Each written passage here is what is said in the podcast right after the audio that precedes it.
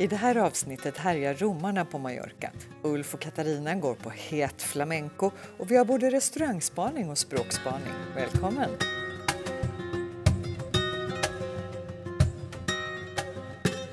Till det här avsnittet har vi verkligen en enastående sponsor. Ja, jag vet. Det är ju Treatlight, företaget som tillverkar medicinsk laser. Och de har ju professionella lasrar för kliniker, men även en modell för hemmabruk. Kan inte du berätta lite, både för mig och för lyssnarna, vad det är egentligen? Ja, gärna. Den heter Treatlight Active och det är en liten behändig eh, modell för att behandla smärta, värk och inflammation. Den funkar på typ allt, allt som gör ont. Liksom. Värk i leder, inflammationer, artrit. Ja, den funkar till och med på, mot psoriasis. Mm. Och det är så himla smart att ha en sån här grej för hemmabruk så man inte behöver ta in en stor maskin i huset. Mm. Och det här är ingen humbug-grej. Treatlight är en registrerad medicinsk-teknisk produkt hos Läkemedelsverket. Mm. Och det där tycker jag känns bra så man vet att det funkar. Ja, eller hur? Jag har själv provat den och den är superlätt att använda. Man håller apparaten mot det ömma stället så här, så trycker man på en knapp och så piper det när det är klart. Det känns ingenting, men det funkar. Fantastiskt! Och vi kan ju faktiskt avslöja att ägarna till företaget Treatlight bor på Mallorca.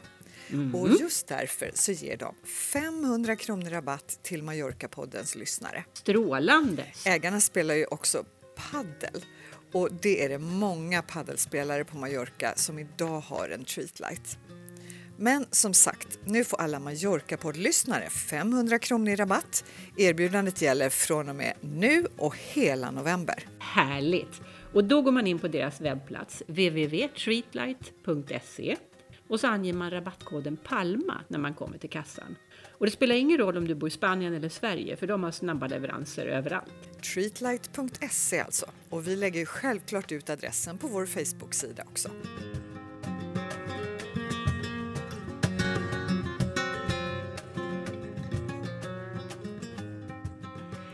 Hej Ulf! Hej Ina! Hur är läget?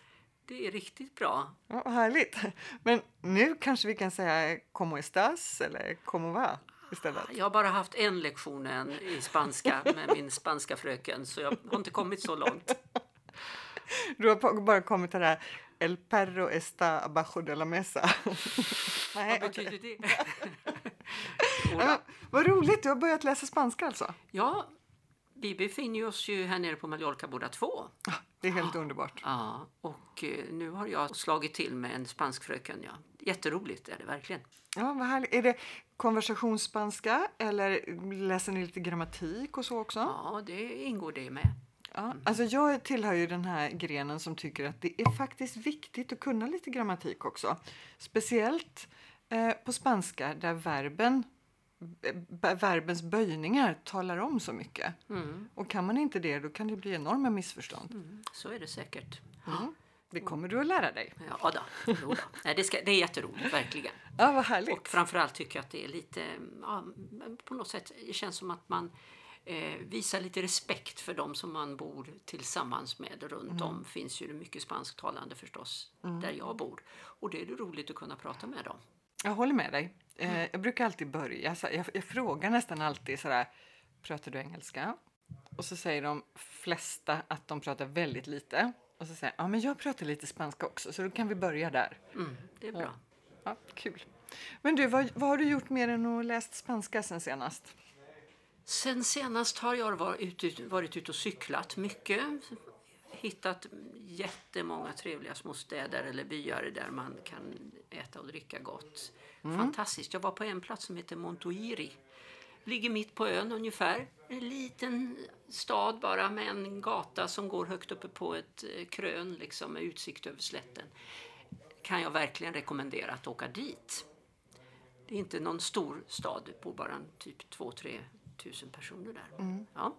Hela den här ön är full av sådana små pärlor. Verkligen. Mm. Och man upptäcker dem inte om man bara åker förbi med bil.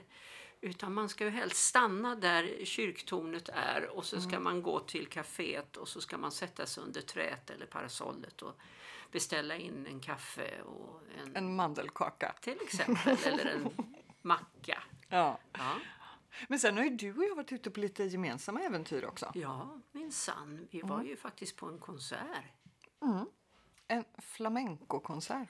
Just det. Det var otroligt eh, häftigt faktiskt. Väldigt gripande. Väldigt så här kraftfullt. Ja, det var jättehärligt. Det var i eh, auditoriet. Just det. Och det var en eh, kvinna, nu namnet tappade jag precis just nu, men en kvinna som både dansade, hon hade liksom huvudrollen, och hade varit med och koreograferat. För det kändes väl som hon var ledaren för någon slags grupp nästan. va? Ja, så uppfattade jag det också. Och sen var det cirka fem, sex kvinnor och lika många män som dansade tillsammans med henne. Men hon hade ju en soloroll. Ja, det hade hon. Hon liksom var stjärnan. Och så var de två kvinnor som sjöng. Just det. Och ett antal musiker också. Ja, gitarr, fiol och cello. Mm. Och sen den här speciella trumman också, den här lilla fyrkantiga boxen som de sitter på och slår på sidan. Mm.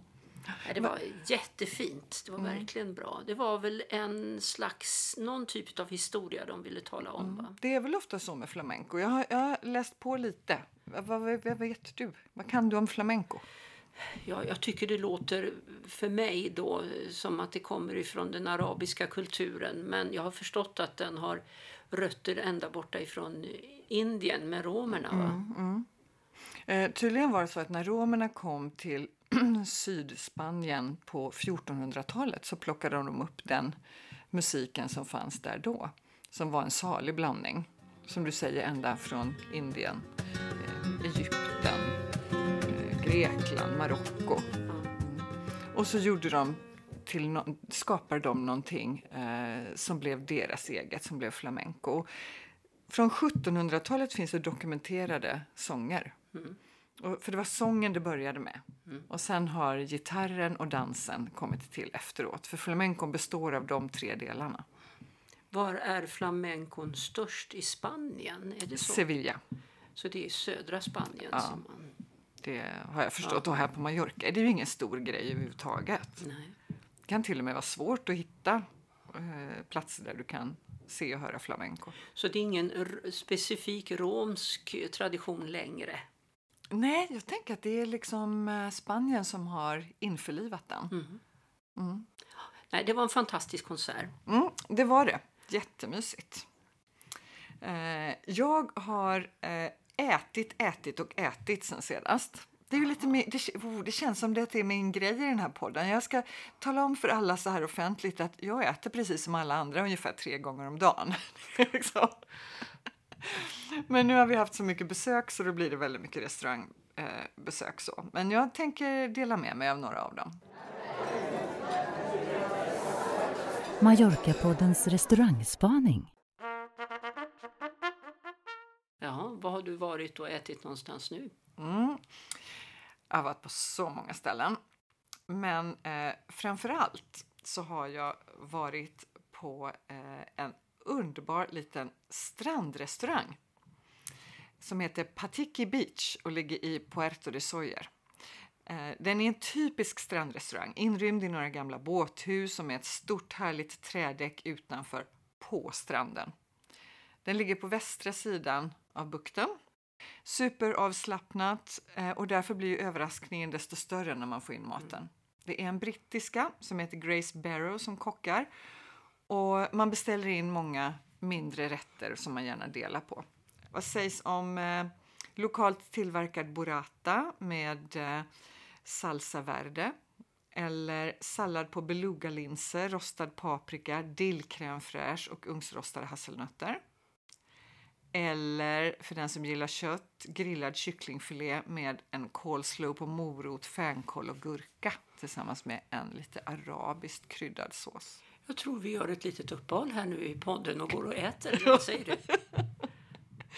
Eh, mellan 10 och 25 euro per rätt. Och som avslutning så har de en hel menysida med jätteläckra cocktails.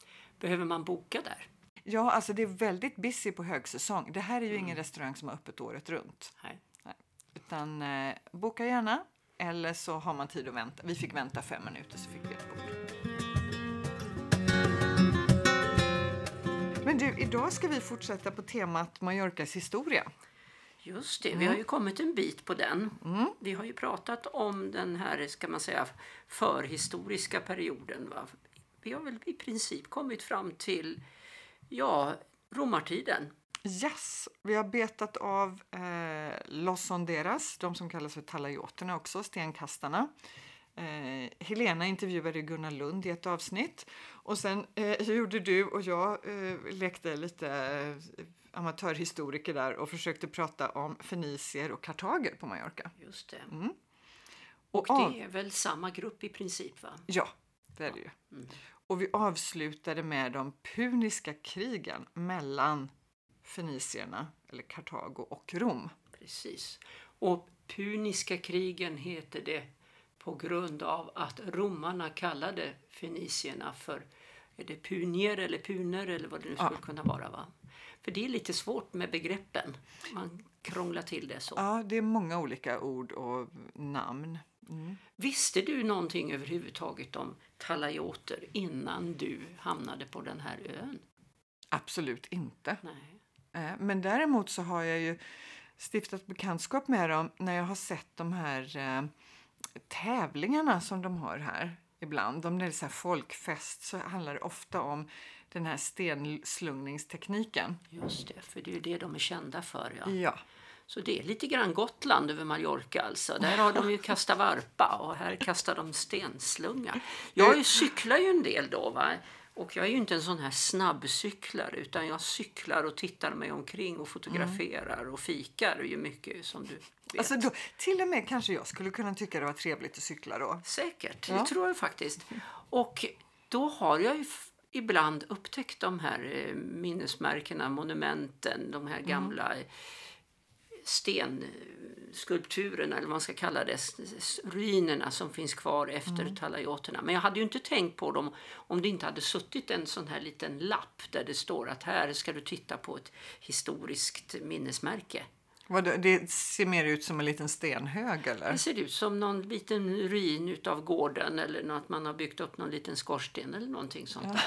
Som kunde vara ett par hundra år gammalt. Ja, precis. Va? För gårdarna är ju många av dem i alla fall när man cyklar över bygden. Va? Så ser ju de väldigt gamla ut ju.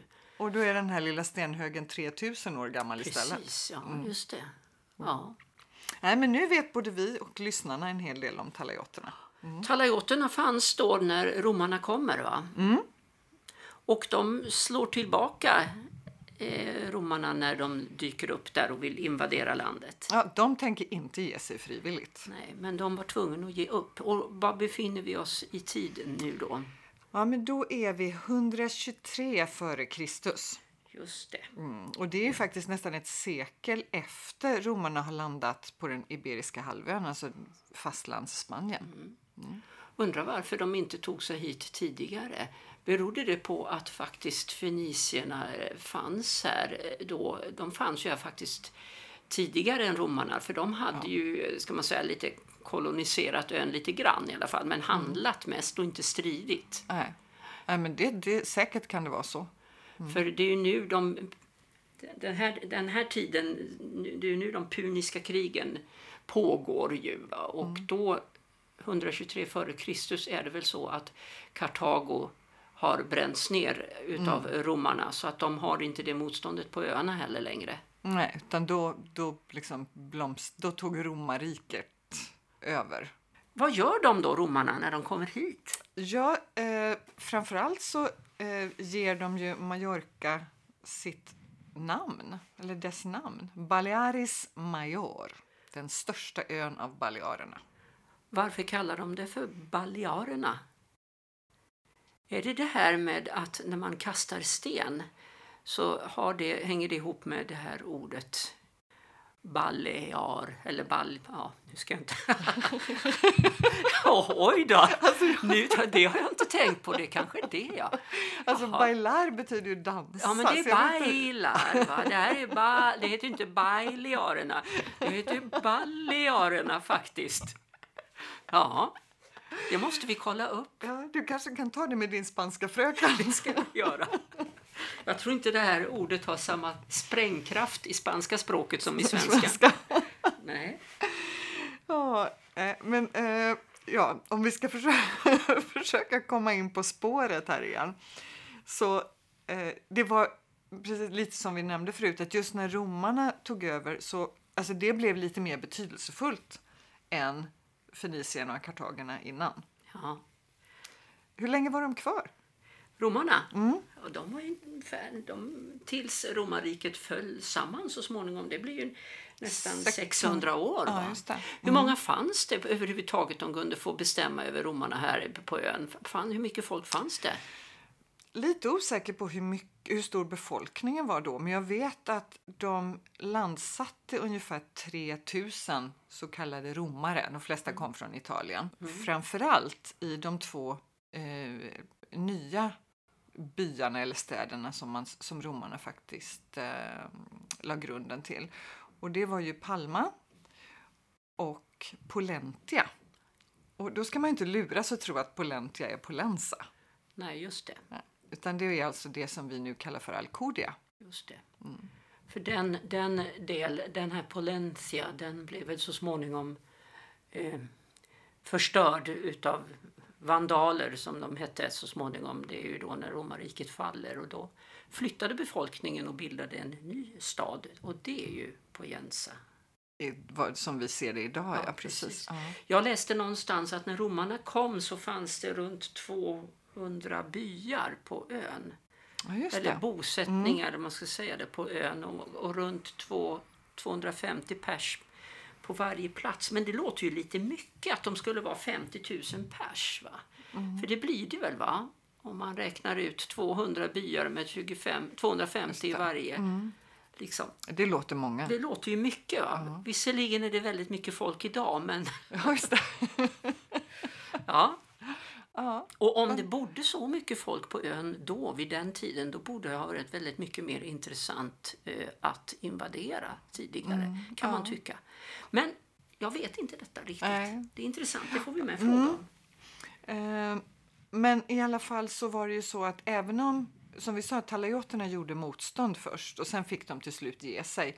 Men det var inte så att romarna körde alla invånare på porten och förbjöd språk och kultur och så, utan det där var en långsam process och det var lite vad de var kända för, eller? Ja, precis. Man gjorde ju så när man försökte integrera nya landområden i sitt stora imperium. Att man, man tog upp de här grupperna som fanns där och gjorde om dem så småningom till romare så att de skulle försvara de romerska värdena på något sätt. Va? Eh, Det var ju någonting man gjorde över hela sitt stora, stora jätteimperium. Ända upp i Frankrike och England. Och, Mm. När man ser kartan över romarriket så är det helt otroligt. och Balearerna är ju då bara en liten, liten bit mitt i egentligen. Och när vi pratar om balearerna under romartiden, då är det inte samma balearerna som nu. Nej, för att? Därför att det var bara Mallorca och Menorca på den tiden. Så Ibiza hade inte riktigt samma status. Nej, det man kallade för Balearerna eh, när romarna kom hit var bara den lilla ön och den stora ön. Aha. Då finns romarna här på ön. Vad har de lämnat för spår efter sig? Men det stora är väl egentligen Palma och Alcudia. Finns det inga byggnader kvar från den tiden på ön? Det finns inga inte. såna här, finns inga såna här som Colosseum och stora arenor och sånt. Det, finns inte va? De har inte lämnat så mycket materiellt efter sig eller? Nej, inte, inte vad jag känner till. Eller Men däremot läsa finns det till. väl annat då som inte är så materiellt som de, ja materiellt och materiellt. Maträtter Mm. och så vidare va? Och språket inte minst. Språket naturligtvis. Ja. Latinska s- Även om man inte pratar språket. latin på Ma- Mallorca så är det ju ett latinskt språk Ja. man pratar. Så det satte ju verkligen, eh, gjorde ju verkligen avtryck. Eh, vindruvsodling är ju någonting också som de tog med sig hit. Och det breder ju ut sig ännu mer idag då. Ja. Mandelodlingen, det var väl ett, en rest utav, utav eh, morerna, va? mandelträden tror jag. just det. Mm. Medan vinodlingen kommer romarna. Någonting som är faktiskt väldigt viktigt ändå, det är ju kristendomen. Ja, precis. För den blev ju så småningom en statsreligion i romarriket. Någon gång på 300-talet. Ja. Och eh, den har ju verkligen påverkat kulturen och arkitekturen och språket och familjen och allting på hela ön ju förstås. Va? Så den har ju också då en, en direkt koppling till romarna. Och det visste jag inte att det fanns en, en period med kristendomen innan morerna. Nej, nej, Nej. just det. Det Ja. var lite spännande. Frågan är om, men det blir ju en, ett, en senare fråga, men om huruvida eh, de kristna på ön var tvungna att eh, avsvära sig sin kristna tro när de blev morer. Men det kan vi väl Ja, se. jag, jag har hört att det inte var så utan att morerna var väldigt mycket mer Toleranta. förstående och toleranta än vad de kristna var sen i nästa period. Men det får vi lov att återkomma till. Det blir Det nya avsnitt. Precis, Ja. precis. Så då är vi alltså på 3 4 hundratalet sådär va, efter Kristus nu då. Och jag tycker ändå det, det är spännande det här med Palma och Alcudia. Man förstår ju varför just de två städerna grundades om man tittar på hur de ligger geografiskt. Jag menar, det är varsin stor bukt, en på den södra sidan och en på den norra sidan. Så det måste varit oerhört strategiskt. Och tror du inte säkert att det fanns någonting redan innan? För jag menar, det, det var ju båtfolk på den här tiden. Och då var det ju de här skyddade bukterna som man kunde använda för att gå i Jag hamn. tror inte talajoterna var så mycket båtmänniskor. Nej, men fenicierna och kartagerna. Ja, precis. Mm. Jag hörde att just eh, Alcudia, varför det hamnade där det ligger, det beror ju på att det ligger precis emellan de här båda stora bukterna. Det är två bukter där. Ja, just det. Och precis där Alcudia ligger så hade man en möjlighet att ha koll på båda. Ja, det var ju briljant. Mm. Ja, men du, vad, vad hände med Ibiza och Formentera då? Var liksom, varför, vad tog de vägen?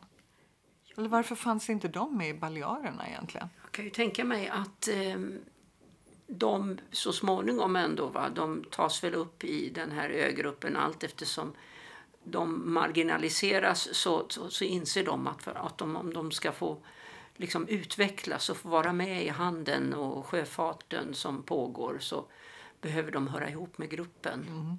Och vad jag förstod så var det runt 400 år efter Kristus Ja. så blev Balearerna det som Balearerna är idag. Mm. Men du, hur trodde du det var att leva under romarriket på Mallorca? Det beror nog väldigt mycket på vad man tillhör för grupp i samhället. Va? Det är ju så med allting. Jag menar, som kvinna hade man säkert inte speciellt stor, stor makt.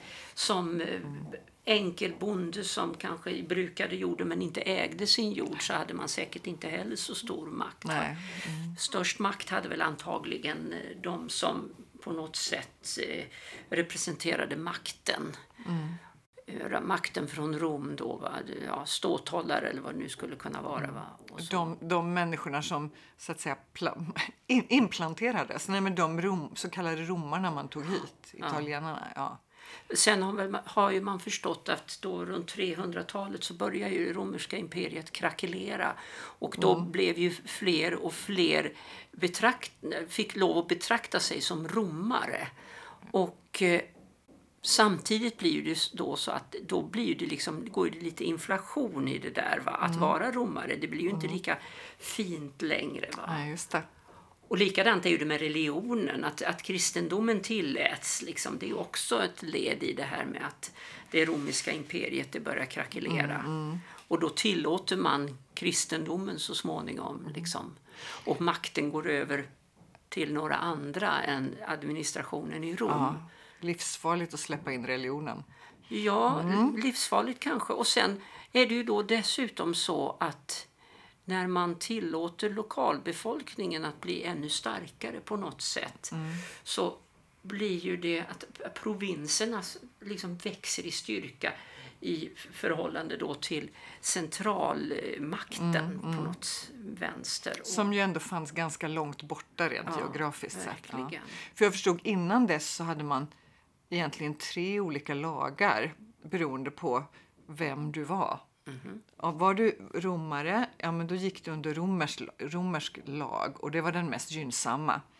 Eh, eller så gick du under latinsk lag som var lite mindre gynnsam. Eller då resten, pöbeln, som fick, eh, hade ytterligare en lag som eh, styrde deras liv, som inte alls hade de rättigheter och skyldigheter som romarna eller latinarna hade. Och det är klart, med tiden så upplever säkert folk det där som väldigt orättvist. Och om inte de då kan behålla sin, sin m- maktposition längre så, ja. Något annat som jag förstod också var lite nytt med romarna, det var eh, att man tittade på ekonomi på ett annat sätt. ja, Att förut så hade det rått ja, men, ren byteshandel ja, det är klart. och nu präglades det mynt och eh, man talade om liksom, eh, hur man utnyttjar de ekonomiska resurserna på ett annat sätt. Det var ju ett ganska välutvecklat sam- samhälle ändå, romarriket. Medan de som bodde ute i de små byra, byarna, uppe i Alarå till exempel, nej, jag vet inte förresten om Alarå fanns då överhuvudtaget. De eh, hade det säkert mm, ja, som de alltid hade haft det, kan jag tänka mig. Va? Ni har ju en liten vägsnutt som är väldigt ojämn som ni brukar kalla för Romarvägen. Ja. Och jag tror till och med att den där vägen heter någonting sånt där, Caia Romana eller någonting Ja, sånt. Men du, hur går det här nu då? då? Nu börjar det krackelera i hörnerna runt om i, i det här imperiet. Och vi vet Mm. ju alla som har läst lite historia att nu delas hela romarriket upp i två halvor. Vi har Västrom och Östrom. Västrom med Rom som huvudstad och Östrom då med, med eh, Istanbul, Istanbul. eller Konstantinopel rättare sagt va, som huvudort. Ja, det, och det var väl just att romarriket blev så stort, det gick inte att hantera. Och så delade man upp det. Och då var egentligen ingen särskilt intresserad av vad som hände i Rom. Utan den västra delen blev starkare och den östra delen blev starkare. Och så hittade de på sina egna lagar och seder och traditioner och ekonomi. Och sen så har du då en stor växande befolkning i norra Europa som börjar liksom göra sig påmind och vill ha mer mark och mer plats att, eh, att eh, kunna växa och bli mäktiga på. Och det är då folkvandringstiden börjar och man väller ner över eh, den italienska halvön och över den iberiska halvön lika eh, på, på samma sätt. Ju.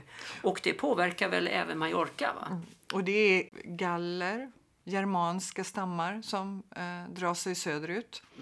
Och egentligen gör det är precis det du pratar om. Det är det som får det västromerska riket att falla. Och det är klart att då är det lite öppet mål för andra att eh, ta över Mallorca. Och det är väl nu som då på, på, Jen, på Jensia, på Lencia, Polencia. Mm. bränns ner. Och då har vi väl kommit till slutet av romarriket egentligen. Va? Ja, precis. Vandalerna tar över. Det tycker jag låter väldigt spännande. Vandaler. Ja, men det är väl för att vi har tagit, jag menar, de, det, det, man har tagit det ordet, lagt den betydelsen i ordet utifrån att det fanns en grupp som hette så. Ja. De själva betraktade sig inte som, som mer vandaler än andra. Men jag tycker att det låter väldigt spännande. Men du, det, det kommer vi återkomma till i ett nytt eh, avsnitt. Om tiden efter, efter Rom har Precis. liksom krackelerat. Mm, och då pratar vi om 425 efter Kristus. Ja. Mallorca-poddens språkspaning. Idag är det som upplagt för en riktigt bra språkspaning, Helena. Ja, det var ju verkligen avsnittets gapskratt när Ulf blev medveten om att han, vad han sa för någonting och vad, och vad han tänkte, för det var antagligen två olika saker. Men du, finns det överhuvudtaget något eh, vettigt i det han började fundera på? Ja, alltså det, det är inte belagt, eh, men det finns några teorier om att det kommer att ba- ball, ball och balle och boll, att det kommer från indoeuropeiskans bal eller någonting sånt där. Men det är faktiskt inte belagt. Vi har faktiskt språkspanat om det här förut. Vi, kommer du ihåg att vi hade ett avsnitt för ett par år sedan som hette en hyllning, Vår hyllning till Balearerna? Ja, absolut. Ja, och där språkspanade vi faktiskt om just Balearis menor och Balearis major. Och det, är, det, det kommer från grekiskan och grekerna kallade då Balearerna både för gy, eh, gymnasie och Baleareis. Eh, och då gymnasie, det betyder naken. För att, och det var ju eh, Gunnar Lund inne på också när han pratade om tallajoterna, att de var så lättklädda. Eh, och, eh, så lite naket och lite snusk får vi här i alla fall. Men baleares, det betyder slunga eller avfyra. Så att det, där får vi inte så mycket snusk. Men, men eh, det är i alla fall belagt att det kommer, att grekerna har haft med sig de här två orden för öarna. Och det beror ju på, naturligtvis på att de kastade så mycket sten.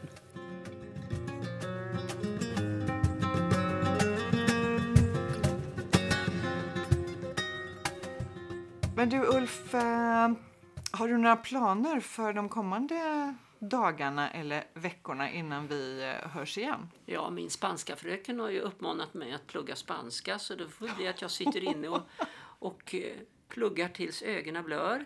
Det tror jag så mycket jag vill på. Och sen vet jag inte om man, eh, om det, vad tror du, kan man åka upp och bada eller? Eh, bada kan man ju göra om det ligger för en. Det ligger ju inte för mig så mycket. Så jag föreslår hellre filmfestival. Jaha, Mm. ja. Jaha. Den öppnade redan i onsdags, den 27, med öppningsfilm på Teatre Principal och den avslutas den 2 november på Palma kongresscenter och då med en premiär på en film om Robert Graves, den brittiska poeten som höll till i Deja. Jaha, ja, så Mm. filmen har på något sätt någonting att göra med eh, Mallorca? Alltså. Absolut. Hela, festival, hela Eh, festivalen? nej, eller? inte hela festivalen. Utan Nej. det, är, eh, det är för tionde året i rad som den här festivalen pågår. Det är 139 filmskapare från 30 länder. Men flera av dem har anknytning till Balearerna. Kul. Eh, och massor, alltså ett gediget program av både långfilmer, kortfilmer, dokumentärer. Eh, de flesta filmerna visas på Cineciutat, Palma och Sala Augusta, också i Palma. Men så har de ju också, som de har varje år, drive-in bio i Puerto Adriano. Jaha, okej. Det är jätteroligt, det har jag varit på. Vi tog vår lilla Fia och styrde vägen dit. Ja. Nu har jag ju bara bil fram till den 4 november så vi får väl se om jag lyckas ta mig dit. Ja. Det, På lördag och söndag Ja. är det drive-in bio. ja. Och det, är ju, det sammanfaller ju med allhelgonahelgen. Så det, att det det var lite du. här scary movies där. Ja. Ja. Men det bästa med drive-in-bion i Porto Adriano är biosnackset. Kava och popcorn. Oh. Sen ska man köra därifrån. Ja, precis. Ja. Det ska man. Nej, men filmfestival vill jag gärna tipsa om. Och sen så vill jag eh, säga till alla, jag vill beordra alla att gå man ur huset söndagen den 14 november klockan 20.45 för då spelar Spanien mot Sverige i Sevilla. Och det handlar alltså om eh, VM-kval i fotboll. Det är fotboll alltså? Okej. Välkommen till sportvärlden Ulf! Ja. Det är så spännande. Sverige har 15 poäng i gruppen och Spanien 13. Bara det att vi ligger före Spanien är helt spektakulärt. Och eh, om Spanien slår Grekland, eh, vilket ju är betydligt svårare än Sveriges match mot Georgien, då är just den här Spanien-Sverige-matchen helt avgörande om vem som direkt går till VM. Så på med de blågula halsdukarna och ner på den lokala baren och eh, försök vara kompis med dina spanska grannar. Ja. Eh, vill man åka till Sevilla för att titta live så kan man ju göra det. Det går alldeles utmärkt att köpa biljetter på eh, nätet. Real Federación Española de Fotboll har biljetter. Mm. Så det tycker jag man ska göra här eh, framöver. Det låter bra. Ja. Jag lär få höra min lille Sebastian, grannen, skrika för han tittar mycket på sp- sport. Ja. Ja. Då är han garanterat intresserad av det här Det är också. kanske därför han kom och mutade mig med en sockerkaka häromdagen. Gå inte på, gå inte på det. Du är bara, åh tack snälla du. Hörrni, med de eh, orden, heja Sverige eller heja Spanien. Jag känner mig lite ambivalent där Nej, det faktiskt. gör du inte alls. Försök inte. Så hörs vi om två veckor.